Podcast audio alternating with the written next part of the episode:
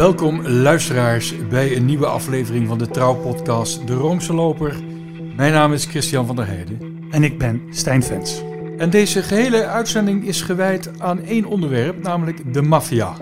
En waarom? Omdat op 9 mei in Agrigento, Sicilië, de onderzoeksrechter Rosario Livatino wordt zalig verklaard.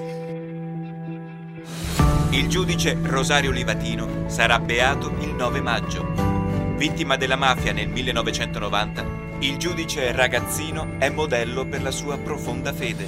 Il rito, presieduto dal cardinale Semeraro nella cattedrale di Agrigento, sarà celebrato lo stesso giorno in cui Giovanni Paolo II tuonò contro i mafiosi nel 1993. Convertitevi!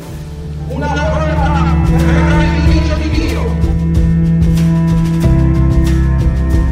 Rosario Livatino, geboren in 1952 in Canicati in de provincie Agrigento, Sicilië.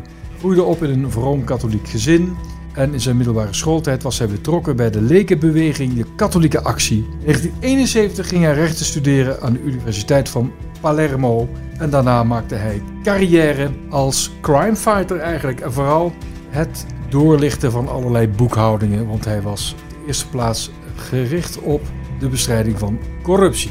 En bij ons aan de Zoomlijn is op dit moment helemaal vanuit Rome de Nederlandse oud-correspondent Aart Hering. Ben je daar, Aart? Ja hoor, loud and clear. Hoe gaat het? Het gaat wel goed. Uh, we zitten hier nog. De coronabeperkingen die worden langzamerhand minder. En het is mooi weer nu. Dus het lijkt erop dat we een betere zomer tegemoet gaan dan die van vorig jaar. Jij hebt een uh, grote journalistieke staat van dienst in Italië, maar ook in de Balkan heb jij nogal wat rondgezworven voor mooie verhalen. Maar jouw specialiteit is Italië. Je hebt natuurlijk ook heel veel verhalen gemaakt, ik meen ook voor het Algemeen Dagblad, Netwerk en zo, over de maffia. Uh, ja, we weten wat maffia is, denken we. Maar kun jij eens omschrijven wat het volgens jou is? Maffia. Maffia is georganiseerde misdaad, dat staat buiten kijf. Maar het is ook meer dan dat. Het is ook een beweging die geworteld is in, uh, ja, in bepaalde delen van de Italiaanse maatschappij, bepaalde regio's, hè, het zuiden. En uh, die uh, tot voor kort kon rekenen op brede steun binnen de bevolking in veel gevallen ook optrad als een soort van uh, alternatieve overheid. He, als de politie je, gestolen auto niet terug kon, vinden, dan kon de plaatselijke bos dat wel doen. Dat is gelukkig minder aan het worden, maar je kunt niet zeggen dat diezelfde maffia niet meer uh, bestaat. Het is alleen een maffia die onderhand minder gewelddadig is geworden en meer financieel. Het is een maffia die zich uh, in de bovenwereld heeft gewerkt. En uh, die, uh, niet, ja, die, die niet alleen in de achterbuurten van Palermo de scepter zwaait, maar ook op verschillende beurzen. Dat is het. Het, is nog steeds een, het, zijn, het zijn machtige organisaties, want het is er meer dan één natuurlijk. Hè? En jij zegt met steun van de bevolking. Waarom steunt die bevolking deze alternatieve overheid? Nou, wat ik zei, omdat het een, uh, een alternatieve uh, overheid was en omdat er goed geld mee te verdienen valt. Uh, als je denkt aan bijvoorbeeld een Drangheta, de maffia van, van Calabria, die is wereldleider in de cocaïnehandel en daar valt veel mee te verdienen. En dat betekent helemaal in gebieden met, met grote armoede, hoge werkloosheidscijfers, dat, dat het niet zo moeilijk is om aan, uh, nieuwe, uh, aan nieuwe leden te komen. Hè? Om, uh, en en dat betekent dus dat de, de maffia vaak beter, voor, voor grote groepen, beter in staat is om ze aan brood te helpen dan de legale economie. En is het alleen om geld te doen, of, of heeft men ook het idee dat men de ziel verkoopt aan de duivel? Nou, dat niet direct. Maar er is wel, wat je wel kunt noemen, is een sterk saamhorigheidsgevoel. En dat betekent dat tot voor kort het ook moeilijk was om ertussen te komen. Alleen daar is wel verandering in gekomen. Tegenwoordig is het zo dat uh, verklikkers beloond worden met lage straffen. En dat je nu ook een nieuwe generatie hebt van, uh, van jongere mafiosi. die uh, liever hun maten naaien dan 30 of 40 jaar de gevangenis in te gaan. Dus het saamhorigheidsgevoel binnen de maffia. Ze hadden ook een beetje, ze hadden ook het idee dat ze tot, ja, dat ze deel uitmaakten van een leger, van één groep. En ze hebben ook wat, daarvoor ook ja, wat bizarre inwijdingsrituelen aangenomen. Die voor een deel ook, ja, ook aan, de, aan de katholieke religie zijn gelieerd. Uh, met andere woorden, het was een, een, een, een, een alternatieve maatschappij. En je hebt het over de katholieke religie. Je ziet ook in heel veel van die maffiafilms dat er altijd wel een pater of priester uh, lid is van de familia. Uh, je ziet ook in bijvoorbeeld de serie Gamorra, Gomorra, dat Padre Pio op ja. iedere hoek van de straat staat. Wat die heilige beeld, die cultus, is dat nou magie? Of is dat een authentiek christelijk geloof waarbij ze de, ja, de, het, collaboratie met het kwaad eigenlijk op de koop toenemen? Ja, ik denk dat daar komt het wel op neer. Kijk, uh, bij die inwijdingsrituelen, daar wordt uh, geregeld, daar wordt een, uh, een, een, een heilige beeldje, hè, een plaatje, een Santino, wordt plechtig verbrand.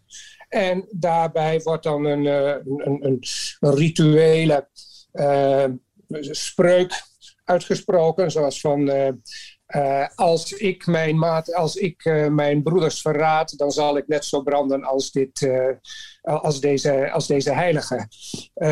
in hoeverre je dat nu religie kunt noemen, of bijgeloof, of, ja, of, of gewoon mumbo jumbo dat is niet zo duidelijk, maar het is wel zo dat voor veel mafiosi uh, de, de, de, heel goed samen kon gaan om tegelijkertijd goed gelovig te zijn en daarnaast de meest afschuwelijke misdaden uit te voeren.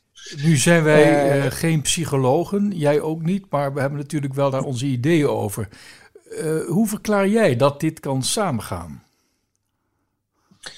Nou, er zijn een paar redenen voor. Uh, in de eerste plaats, kijk, dat soort saamhorigheidsgevoel. Uh, in de tweede plaats dat, uh, ja, dat het geloof gewoon bij je identiteit hoort. En dan kun je ook zeggen dat nog niet zo heel lang geleden de officiële kerk zich niet zo heel erg distancieerde van de mafioze organisaties in Zuid-Italië. Een goed voorbeeld daarvan is uh, de, de, de bisschop van Palermo, kardinaal Ruffini, die in de jaren 60 het bestaan van de maffia ontkende. Hij zei met zoveel woorden: maffia, wat is dat? Een uh, schoonmaakmiddel, nooit van gehoord. Uh, uh, en ja, daar is, later, daar is later verandering in gekomen. Maar dat was in de tijd ook eigenlijk de houding van de belangrijkste, uh, de grootste partij in Italië, de Christendemocratie, en dan met name in het zuiden. En dat hangt er dan weer mee samen dat die maffia, omdat die grip had op grote delen van de bevolking, ook altijd goed was voor fikse stemmenpakketten. Als jij, uh, als jij de, de bos in een bepaalde wijk van Palermo aan je wist te binden, dan wist je zeker dat je daarmee duizenden, zo niet tienduizenden stemmen uh, kon verzamelen. En daar waren politici vaak niet vies van. Uh, Aart, we gaan even naar die Rosario Livatino, want daar hebben we het over. Die wordt dus zondag in Agrigento zalig verklaard. Straks zullen we uitleggen waarom dat niet toevallig is dat dat daar gebeurt. En wie, wie was hij? Ja, Rosario Livatino was een, uh, een uh, ja, ze noemen hem rechter, maar hij was eigenlijk openbare aanklager en hij was uh, bezig aan een, uh, hij werkte aan een onderzoek waarbij uh, naar, naar, de, naar de STIDA. De STIDA is een, een organisatie die concurrerend was met Cosa Nostra. ook een mafioze organisatie, maar een andere in de zuidelijke stad Agrigento. En hij haalde nogal wat overhoop met dat onderzoek. Hij be beperkte zich namelijk niet tot de, uh, nou ja, tot de gebruikelijke uh, dieven en moordenaars, maar hij kwam ook op het hogere niveau terecht. Dat wat wat rechter Falcone ooit noemde il terzo livello, hè? De het derde niveau, boven de killers en de leiders van de maffia, heb je dan daarboven de witte borden. En uh, ja, dat viel niet erg in goede aarde. Hij helde nog wat overhoop. En het is zelfs zo dat de toenmalige president, uh, Francesco Cossiga, nogal smalend over hem sprak als il giudice ragazzino. Oftewel, uh, het, het, het, ja, de rechter, het, jonge kereltje dat rechter is. Daar is ook een roman over verschenen met juist die titel, hè? Il ja, giudice ragazzino. Dat is, dus, dat, is, dat is dus een citaat van Cossiga, van de president. De, maar hij ja. was dus blijkbaar te vasthoudend, want hij heeft het met zijn leven moeten bekopen. Ja, en hij was niet de enige hoor. Het was, het was in, in die jaren zijn natuurlijk uh, uh, heel wat uh, rechters en ook journalisten en politici door, door mafiosi om zeep geholpen. Dat heeft eigenlijk, eigenlijk dit was 1990, maar het was aan de vooravond van de grote uh, mafioze aanslagen hè, op de rechters Falcone en Borsellino en op politici een bekende politicus die een, jaar, een jaar na Livatino werd, werd vermoord. Dat was Salvo Lima. Lima was een christendemocratisch politicus. Hij was tegelijkertijd zeg maar, de, de, de onderkoning van premier Andreotti op Sicilië. Nee, dat was een. in die periode zijn dus, zijn dus, zijn dus meer van dit soort uh, aanslagen gepleegd. Ja. Christian, hij wordt nu zalig verklaard omdat hij als martelaar gestorven is. Ja, dus is dat terecht volgens jou?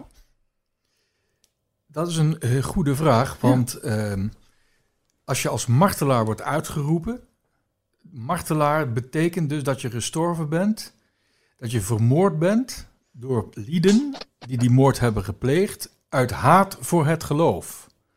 En de vraag is natuurlijk, is die nou vermoord omdat ze zo de pestpokkenhekel hadden aan dat christendom. Of dat ze gewoon van deze man als rechter af wilden. Het kan best zijn dat het misschien hele vrome katholieken waren die hem hebben omgelegd. Dus dat is altijd een beetje uh, moeilijk te bepalen. Nu heeft Paus Franciscus een, eigenlijk een nieuwe weg gebaand naar uh, de zaligheid.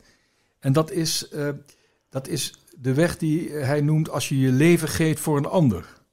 Nou, wat hij gedaan heeft, hij heeft niet zozeer zijn leven gegeven expliciet als geloofsgetuige, maar hij heeft zijn leven geboden voor de ander, voor de maatschappij, om dit kankergezwel dat maffia toch is, te bestrijden.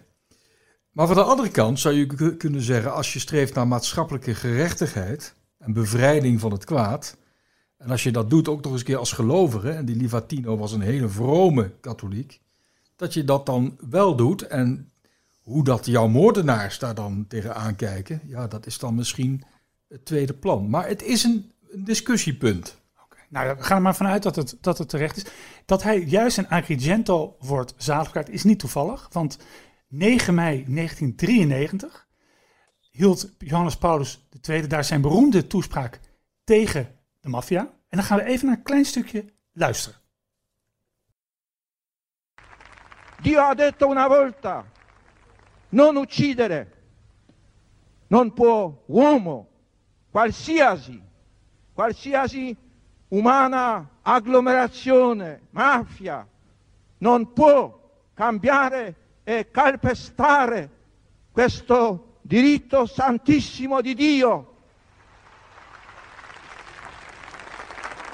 Questo popolo, popolo siciliano, talmente attaccato alla vita, popolo che ama la vita, che dà la vita, non può vivere sempre sotto la pressione di una civiltà contraria, civiltà della morte.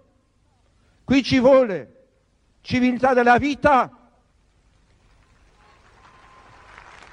Nel nome di questo Cristo crocifisso e risorto, di questo Cristo che è vita, via, verità e vita.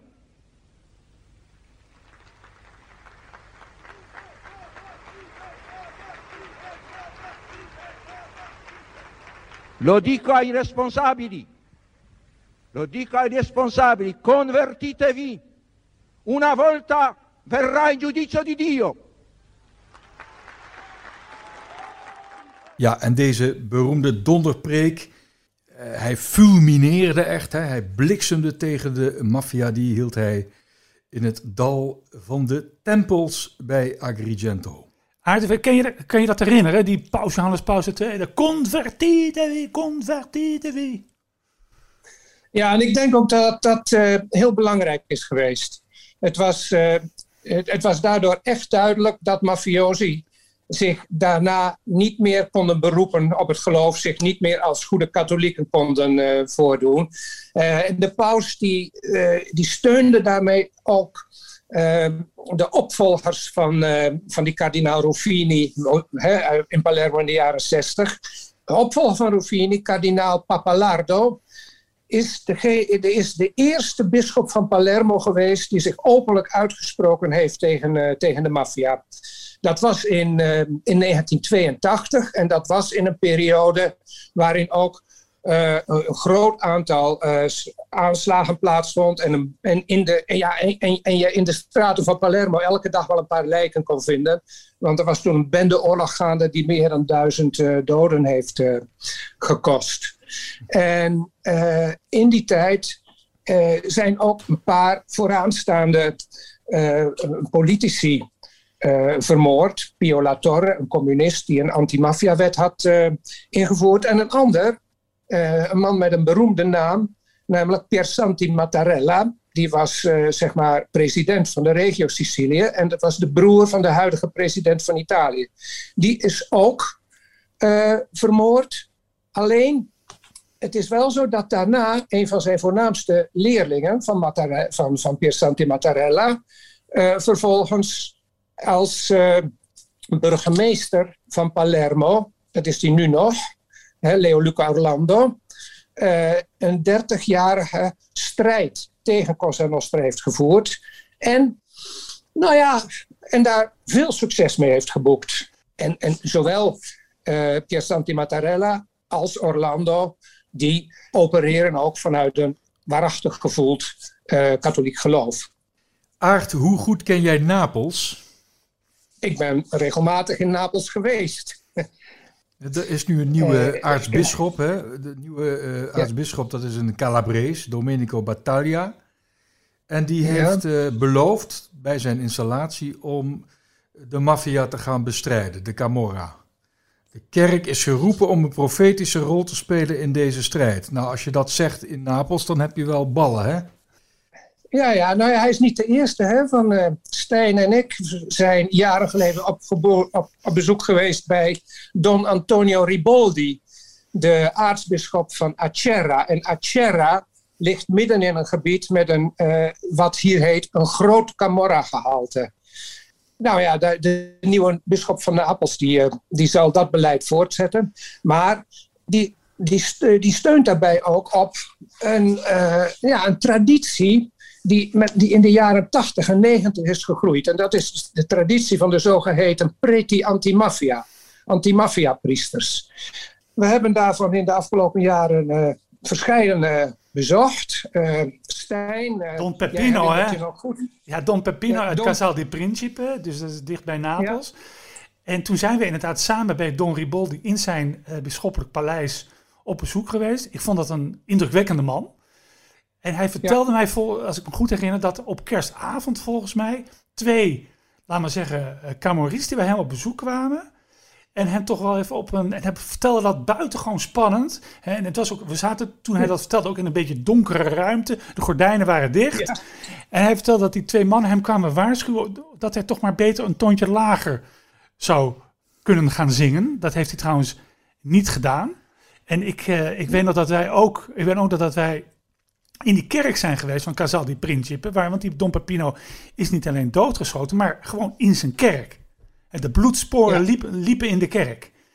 En dat waren, ja, dat waren hele dappere, dappere priesters. En ook zijn collega's die dat werk Ja. daar nog hebben, eh, hebben voortzet. En ik weet nog heel goed dat jij bent toen, eh, want ik versta geen Napolitaans, jij bent toen die jongetjes daar Ja. gaan interviewen. En wat bleek, wat, wat, die, wat, die, wat die Camorra doet, die recruteert die jongetjes, hè, die geven ze een baantje. Ja. En, dat, en dat was het ook het werk van de, de kerk daar in Casal de Principe, dat ze vooral heel veel jeugdwerk deden om juist die jongens zo weg te houden bij de, verleiding, bij de verleidingen van de Camorra. Ja. Hè? Ja, dat was ook. En eh, dat werd niet door iedereen eh, gewaardeerd in eh Casal di Principe. Want ik ben toen nog een, een wat vuil café binnengelopen. En heb daar aan de mannen aan de tap gevraagd wat zij vonden van de moord op Don Pepino. En wat kreeg je te horen?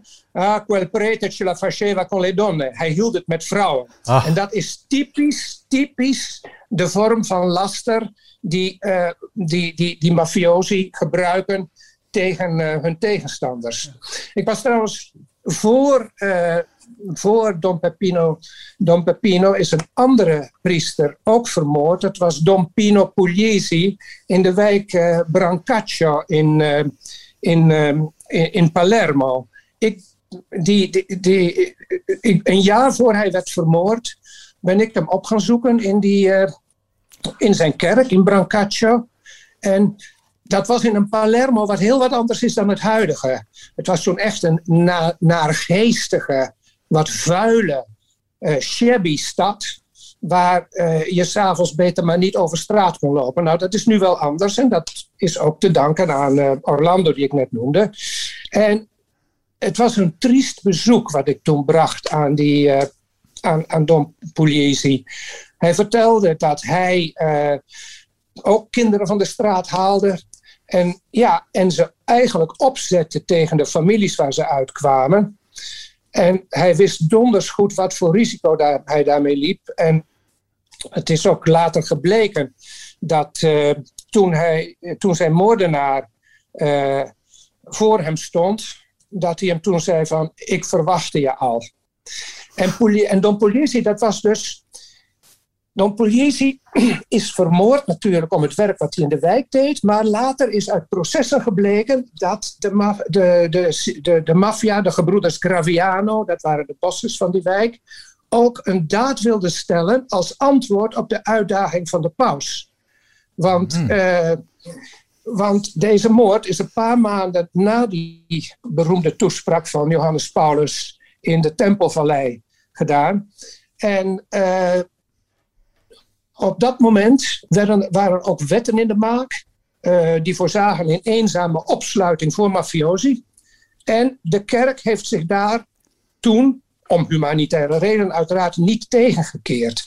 En dit moest dus ook een waarschuwing zijn aan het adres van de kerk om eh, niet te veel aan de leiband van de autoriteiten te lopen. En dat heeft uiteindelijk eh, niet gewerkt, want deze antimafia-priesters, die hebben dus, eh, ja, die, die, die, die hebben mensen gevonden die hun boodschap hebben doorgedragen. We hadden het net over Peppino, Peppino Diana. Nou, een van zijn voornaamste leerlingen was eh, eh, Saviano, de auteur van, van Gomorra Aha. die inmiddels een, een van de grote namen is geworden in de, in ieder geval in de popularisering van de maffiabestrijding, laten we het zo zeggen. Zeg Aart, dus jij hebt een, een zalige geïnterviewd. Ja, dat was hij alleen toen nog niet. Nee, Hij maar eh, dat is toch wel heel bijzonder. Hij is zalig verklaard eh, eh, door... eh, In 2013, in- in 2013 25 20 jaar mei. na de moord. Ja, Ja, en ik kan me ook herinneren dat niet een tijdje later na die toespraak in eh Agrigento, ik was toen in Rome, dat twee bommen zijn ontploft. Eén in de, bij de kerk van San Giorgio in Velabro, prachtige kerk. Ja, Daar woonden toen naast Nederlandse kruisheren, die zijn letterlijk uit hun bed geblazen. En er is een bom geplaatst, en dat is niet toevallig, in de Sint-Jan van Lateranen. de kathedraal van de, Paus. kathedraal van de paus, die natuurlijk minder goed beschermd wordt dan de Sint-Pieter, maar ook het is de kathedraal van de bisschop van Rome. En ik weet nog goed dat ik de volgende ochtend ben gaan kijken en dat daar toen net op dat moment Johannes Paus II op bezoek kwam om de schade in, uh, in, in ogenschouw te nemen. Maar het was dus duidelijk dat ze, ze hebben de boodschap begrepen van Johannes Paulus II en ze hebben hem laten weten dat ze het niet pikken. Over Rome gesproken, ja. de pandemie, hè, dat is natuurlijk een geweldige aangelegenheid voor mafiosi om veel geld aan te verdienen. Merk jij daar iets van, Aard, in, in Rome, in de stad? Nee, dat merk je niet direct. Maar kijk, uh, je hebt, uh, je hebt uh, overal woekeraars in Rome en daarbuiten ook. En ongetwijfeld worden er contracten getekend waarbij malafide ondernemers, vaak dekmantels van, van maffia-clans, ja, aandelen verwerven in, in legale ondernemingen. Dat gebeurt ook onder normale omstandigheden. En nu ja, en, en, het, is, het is duidelijk dat nu veel ondernemers het, het, het, water, het, water, het water in de mond staat, dat het hen steeds moeilijker wordt. Dat, dat, dat, steeds dat het steeds moeilijker wordt voor hen om het hoofd boven water te houden. Dat er dus allerlei woekeraars bereid zijn om in te springen, maar dat, dat daarvoor wel een prijs vragen. Daar wordt ook al onderzoek naar verricht. Uh, en uh, de mafioze ondernemingen die, uh, die staan klaar, want die hebben namelijk een grote, een grote voorsprong op alle anderen. Zij hebben geen liquiditeitsproblemen. Zij hebben zwart geld genoeg. En dat betekent dat in tijden van crisis zij daarvan profiteren. Ja, nu we het er toch over hebben, er zijn, de, Italië is nu druk bezig na te denken hoe ze al die miljarden die ze van Europa krijgen om de coronacrisis te boven te komen gaan besteden. En nu zijn er natuurlijk mensen in Nederland die zijn bang dat al dat geld uiteindelijk in de zakken van de maffia terechtkomt. Aard, stel ons gerust. Ik denk dat er weinig landen zijn die zo'n goede bestrijding van de, van de georganiseerde misdaad uh, hebben georganiseerd als Italië. Italië heeft daar een grote ervaring mee. Uh, met het, het, het, natuurlijk, uh, mafioze ondernemingen bestaan. En, maar er wordt echt wel op gecontroleerd. En ik denk dat de huidige regering ook wel in de gaten heeft dat je daar heel goed, ja, dat, dat, dat je nu bijzonder goed moet controleren. Ook omdat het ja, echt de laatste keer is voor Italië. Het is nu of nooit. Dus dat geld moet goed besteed worden. Infiltratie door mafioze ondernemingen moet zoveel mogelijk uh, ja, moet, moet, moet worden vermeden. En we hebben in de afgelopen jaren ook gezien dat dat wel kan. Bij een paar uh, een paar grote werken. Bijvoorbeeld uh, die, de nieuwe brug die in, in Genua is gebouwd vorig jaar. En bij de grote Wereldexpo in, in Milaan een paar jaar geleden. Daarbij zijn mafioze ondernemingen duidelijk geweerd. Bij, in, Milaan, in is gebleken dat een aantal mantelorganisaties van de Drangheta geprobeerd hebben om zich in, in de openbare aanbestedingen te werken. Maar die zijn, uh, die zijn ontmaskerd. Die hebben geen kans gekregen. Dus het, het kan wel. En ik denk dat Italië daar inmiddels een uh, ruime ervaring heeft. Wat niet wegneemt dat als geld op lokaal niveau wordt verdeeld. En dan met name in bepaalde regio's in het zuiden. Dat er dan extra waakzaamheid nodig is.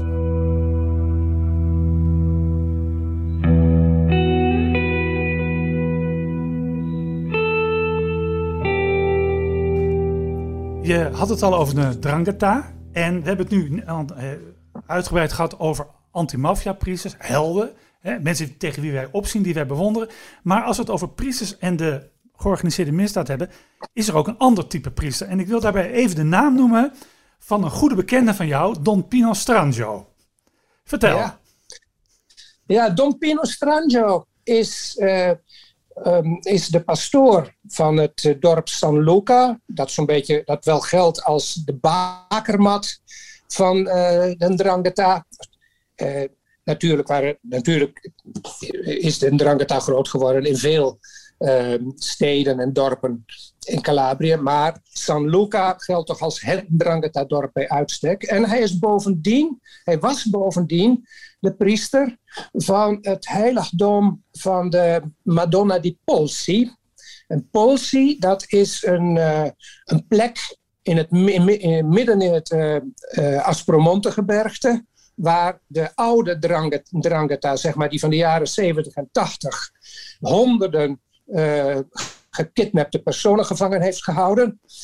En dat is elk jaar toneel van een bedevaart, waarbij de mensen vanuit San Luca lopende naar Polsi gaan. Ik heb dat een keer met de auto gedaan. Ik kan je niet aanraden om dat te doen, want, bij, want die huurauto die is daar bijna kapot gegaan. Maar eh, Don Pino was, eh, ja, was natuurlijk ook de grote man uh, in, op die dag van de, van, van, de, van de bedevaart. Maar op diezelfde dag vond traditioneel ook de bijeenkomst van de kopstukken van de verschillende Drangheta-clans plaats. En Don Pino Strangio is zo'n typische figuur die, ja, die altijd geprobeerd heeft om de kool en de geit te sparen. Aan de ene kant, aan de ene kant was hij natuurlijk priester van het dorp. Aan de andere kant uh, ja, heeft hij altijd wel geprobeerd om samen te leven met de, uh, met, met de sterke Drangheta-clans daar. Ja waarvan de bekendste zijn eigen naam dragen, namelijk Strangio. Ja. En uh, Don Pino Strangio is het neefje van Don Pino Strangio, is ook een van de slachtoffers geweest van die, van die slachting die de Ndrangheta heeft aangericht in uh, 2007 in Duisburg, hè, waar, waar zes jonge mannen uit San Luca om zeep werden geholpen. Ja. Dus ik, ik, ik, ik heb een, een, tijd, een paar jaar geleden sprak ik met uh, Nicola Gratteri. Nicola Gratteri is... Uh, de beroemde aanklager, hè? Ja, ja, ja. Uh, die, ik meerdere, ja, die ik meermalen gesproken heb. En ja, toen vertelde ik dat, dat wij gesproken hadden met Pino Strangio. En hij antwoordde me, ah, maar die zit er ook in. Ah ja. En, ja, het lijkt dat hij gelijk gekregen heeft, want er is op het ogenblik een massaproces tegen een Drangheta gaande in, uh, in Catanzaro. Uh, en een van de geklaagden, aangeklaagden is Don Pino Strangio met de beschuldiging van concorso esterno in associazione mafiosa, oftewel handlangerschap van een mafioze organisatie. En Pino Strangio die heeft het mij zelf ook wel gezegd van, uh, nou ja, ja, bent u nu priester ook van, ook van de Dranghetisti hier? En dan zei hij van, ik ben priester van iedereen hier in San Luca. Dat zei de burgemeester trouwens ook daar hoor. Uh, Aart, ik, uh, ik ben zelf ook in San Luca geweest. en dat was voor een reportage van het vermaarde brandpunt. Wat was het geval? In Nieuwegein was in een snackbar Francesco Nirta gearresteerd. Een van de meest gezochte misdadigers van Italië, Drangheta. En wij zijn dat sport terug gaan voor. En met hulp van jou zijn wij uiteindelijk in San Luca terechtgekomen. In de kerk van Don Pino Strangio.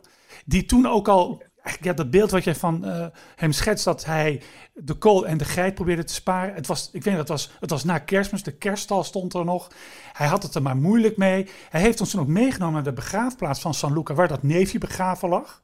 Toen scharden er ook allerlei mensen rond die ons ook vreemd aankeken. Onze komst naar dat dorp was helemaal niet eigenlijk helemaal niet zo populair. Ik weet dat wij, reden daar rond, begeleid door de Carabinieri. En toen waren allemaal van die jongetjes op die scooters, die, die haalden hun, hun hand door hun nek hè, met, het, met het kilgebaar.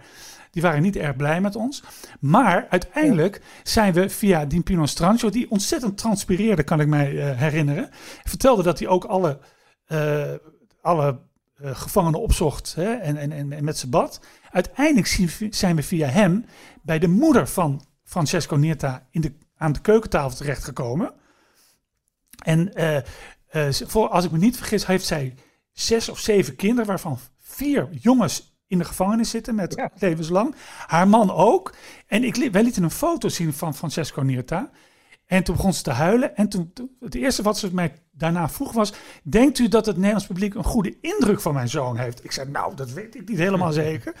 Maar wat ik, en dat wil ik je even vragen. Dus dat gaf aan eigenlijk de, de moeilijke rol waarin Pino Strangio zat. Hij hoefde maar te bellen. En er st- stonden eh, twee nichtjes van Francesco niet op de stoep om ons naar dat huis te leiden. Carabinieri vond dat trouwens niet zo leuk. En eh, dus dat, gaf de moeilijke rol aan je je gaf. Maar wil je nog iets anders vragen? Ik heb eh, zelden een dorp gezien waar zoveel huizen stonden die niet af waren. En ik heb me afvraagd, die ik vroeg me af, die mensen hebben dus, verdienen toch enorm veel geld. Het is de tweede economie van Italië. Wat doen die leden van een dranktuin met al dat geld wat ze met eh, die cocaïne ophalen? Nou ja, de, kans is groot dat eh, de ruimte onder die huizen groter is dan wat je ziet. Want een heleboel hebben ervan eh, hebben, eh, schuilkelders, onderaardse gangen, waardoor ze snel ja, mm, de wijk kunnen nemen als er weer eens een nachtelijke overval plaatsvindt van de, van de carabinieri. En het is, het is inderdaad zo, die, de oude garde, die laat de rijkdom niet zien die ze heeft. Maar met de jongeren is dat, eh, is dat minder het geval. Die, gebruiken, die, die hebben ook meer van de wereld, eh, vaak meer van de wereld gezien, eh, zijn onderlegd en die genieten van het goede leven. En dat betekent weer wat. dat betekent weer dat er op het ogenblik wel weer meer hoop is in de voor de bestrijders van de Drangheta. Want deze jongelui, die voelen er niets voor om, eh, nou ja, om jaren, hè, om, om decennia lang gevangen te zitten, eh, om, hun, eh, om hun familie, want de clans, hè, de trends van de Drangheta zijn meestal familieleden, te beschermen. En die zijn dus langzamerhand, die zijn steeds meer bereid om te praten in ruil voor strafvermindering. En dat is eigenlijk de voor, een van de voornaamste oorzaken geweest van de neergang, eh, betrekkelijke neergang van de Siciliaanse maffia. Dus eh, het betekent dat deze nieuwe, deze nieuwe generatie, die eh, houdt de, de mond minder gesloten. En dat betekent dat er pressen geslagen worden in het bastion van de Drangheta. En aan de andere kant moet je ook weer niet overdrijven. Want ze zitten inmiddels, zoals ik al gezegd heb, goed in, eh, in, in, de, in de zakenwereld, in de beurzen. En eh, met geld kun je natuurlijk ook stilte kopen. Hè? Om even terug te komen op, op, op, op eh, Don Strangio. Ik sprak een keer met hem en toen, eh, ja, toen klaagde hij dat er, geen mo- dat er geen kansen zijn voor de jongeren in het eh, dorp. En dat is natuurlijk, natuurlijk ook zo. Het is, een, het is een dorp met een enorme jeugdwerkloosheid. En dan zegt hij van ja, ik kan voor hen, ik kan voor hen een voetbalclub organiseren. Maar eh, wat, wat kan ik dan doen als een neefje met een, eh, met een mooie nieuwe brommer aan moet zetten en eh, zegt van hé, hey, doe mee, ga ook wat kook verkopen. Hij zei dat was, dat was het probleem. Hij zei zolang de staat niks voor, voor, voor ons doet, wordt het voor mij ook heel moeilijk. Maar het probleem is natuurlijk dat, je dat zo iemand als hij nooit in een dorp als San Luca priester zou moeten zijn. De helft van het dorp is de familie, familie van hem en daarmee dus ook een groot eh, deel van de, van de. Het probleem is alleen, en ik heb hem zelf al gevraagd waarom, eh, waarom hij er nog steeds zat. Hij zei van ja, ik zit hier, maar ze laten mij hier zitten, want niemand anders wil hier priester worden. Of dat waar is, weet ik niet, maar eh, het is een mogelijke verklaring. Nou, Want het is geen makkelijke plek natuurlijk. Nee, het is geen makkelijk. Het is geen, en, dat, en dat straalde ook uit. Ik heb, hij, had, hij transpireerde ook echt. En hij ging echt gebukt onder het zware ambt. Nou, zondag wordt dus die Rosario Livatino zalig eh, verklaard. Zondag 9 mei. Zondag 9 mei hebben we het dan over. Tegelijkertijd, dat is ook een teken dat de kerk nog steeds, zal maar zeggen, de, de, de antimafia-bestrijders steunt. Tegelijkertijd, ik kan me herinneren, Christian, dat Paus Franciscus een keer heeft gezegd dat eigenlijk heel- in één keer allerlei maffialeiders heeft geëxcommuniceerd. In één, eh, min of meer, in die kerk eh, vlakbij het Vaticaan. De vraag is, en dat vraag ik ook even aan Aard, of die mensen zich daar iets van aantrekken. Zijn ze dan, stel dat de paus dan zegt, nou, als je aan dat soort dingen schuldig maakt, word je, uit eh, eh, word je automatisch, uit de, automatisch uit de kerk verbannen, automatisch geëxcommuniceerd. Trekken die mensen zich daar nou eigenlijk iets van aan? Nee, maar ze trekken het zich wel aan, want een van de redenen van, uh, Dom, waarom Don Pepino Diana werd vermoord, is ook omdat hij weigerde om. Uh, of, uh, nee, wacht even, sorry, Pugliese. Waarom Pugliese werd vermoord, was dat hij weigerde om mafiosi communie toe te dienen en, en om mafiosi te trouwen. En dan betekent het wel dat je toch buiten de maatschappij komt te staan.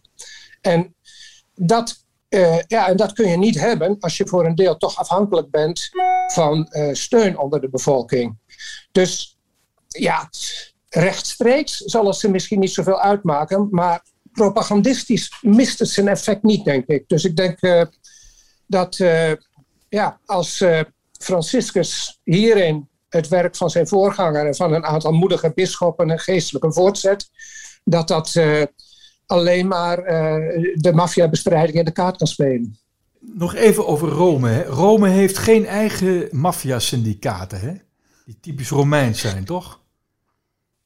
Nou, er zijn verschillende organisaties hier, clans, die in uh, rechtszaken als mafioze organisatie zijn, uh, uh, zijn beschreven, zijn omschreven, gedefinieerd.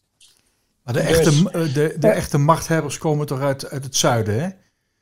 De Drangheta, die... De, tra de, de, traditionele drie maffia-organisaties... Inmiddels vier, hè? Cosa, Nostra, Cosa Nostra, Camorra en Drangheta komen uit het zuiden. Ja, en dan heb je er in de... In Apulië, uh, toch? Dankzij de, dank, dankzij de sigarettensmokkel heb je dan ook nog de Apulische maffia erbij gekregen. De Sacra Corona Unita. Maar dat is min of meer een nieuwkomer. En uh, dergelijke organisaties heb je ook in andere steden, ook in, uh, ook in, in, in, in Rome. Maar ik zou zeggen, ook elders in Europa heb je die wel. er zijn natuurlijk allerlei, allerlei gangstergroepen die het mafioze model hè, van uh, hiërarchisch georganiseerd en absolute omerta, zwijgplicht, die dat hebben overgenomen, omdat het een, uh, een succesvol crimineel model is. Dus uh, ja, je hebt de traditionele maffia-organisaties, maar er zijn inmiddels een aantal die ook als, hoe, hoe, dat, hoe dat heet, organisazione di tipo mafioso. Zo heet het in de Italiaanse wet inmiddels. Hmm. Maar ik vind de naam Sacra Corona Unita vind ik van een schoonheid. Ja, ze zullen allemaal wat, wel, wat dingen doen die ik dacht niet, niet kunnen verdragen. Maar ik vind het wel een schitterende naam. Aard, ja. we gaan, uh, de, de zendtijd zit erop. Uh, we willen jou heel hartelijk danken. Uh, we zijn weer een stuk wijzer geworden over de, de maffia. En ik wil je één ding vragen. Als jij straks uh, in dat heerlijke Rome de straat opgaat. Uh, denk een beetje aan ons hier. Wij, zitten, wij, zijn, wij verkeren toch een beetje in ballingschap, want wij zijn niet in Rome. En kijk goed om je heen. Hè. Kijk, kijk goed op wie, wie er achter je loopt. Want ja, dit is een veelbeluisterde podcast.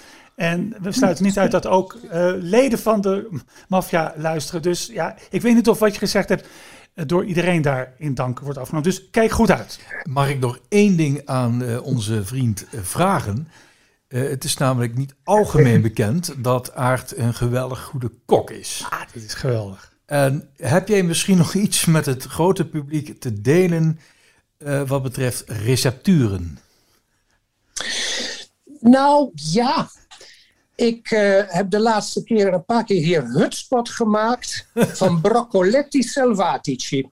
En dat is een soort van wilde raapstelen die hier in Rome overal groeien dus wanneer je in Rome bent, uh, in het voorjaar, maak de, grijp, uh, grijp, de, grijp de kans en ga op zoek naar broccoletti selvatici. Je kunt ze als hutspot heel goed uh, maken en een unoxworst smaakt er uitstekend bij. Heel veel dank, Aart. Jongens, ik wil... Ja, nou, ik wilde jullie ook nog even bedanken voor het ophalen van herinneringen. Oké, okay, dankjewel hè. Arrivederci. Arrivederci hè. Dag.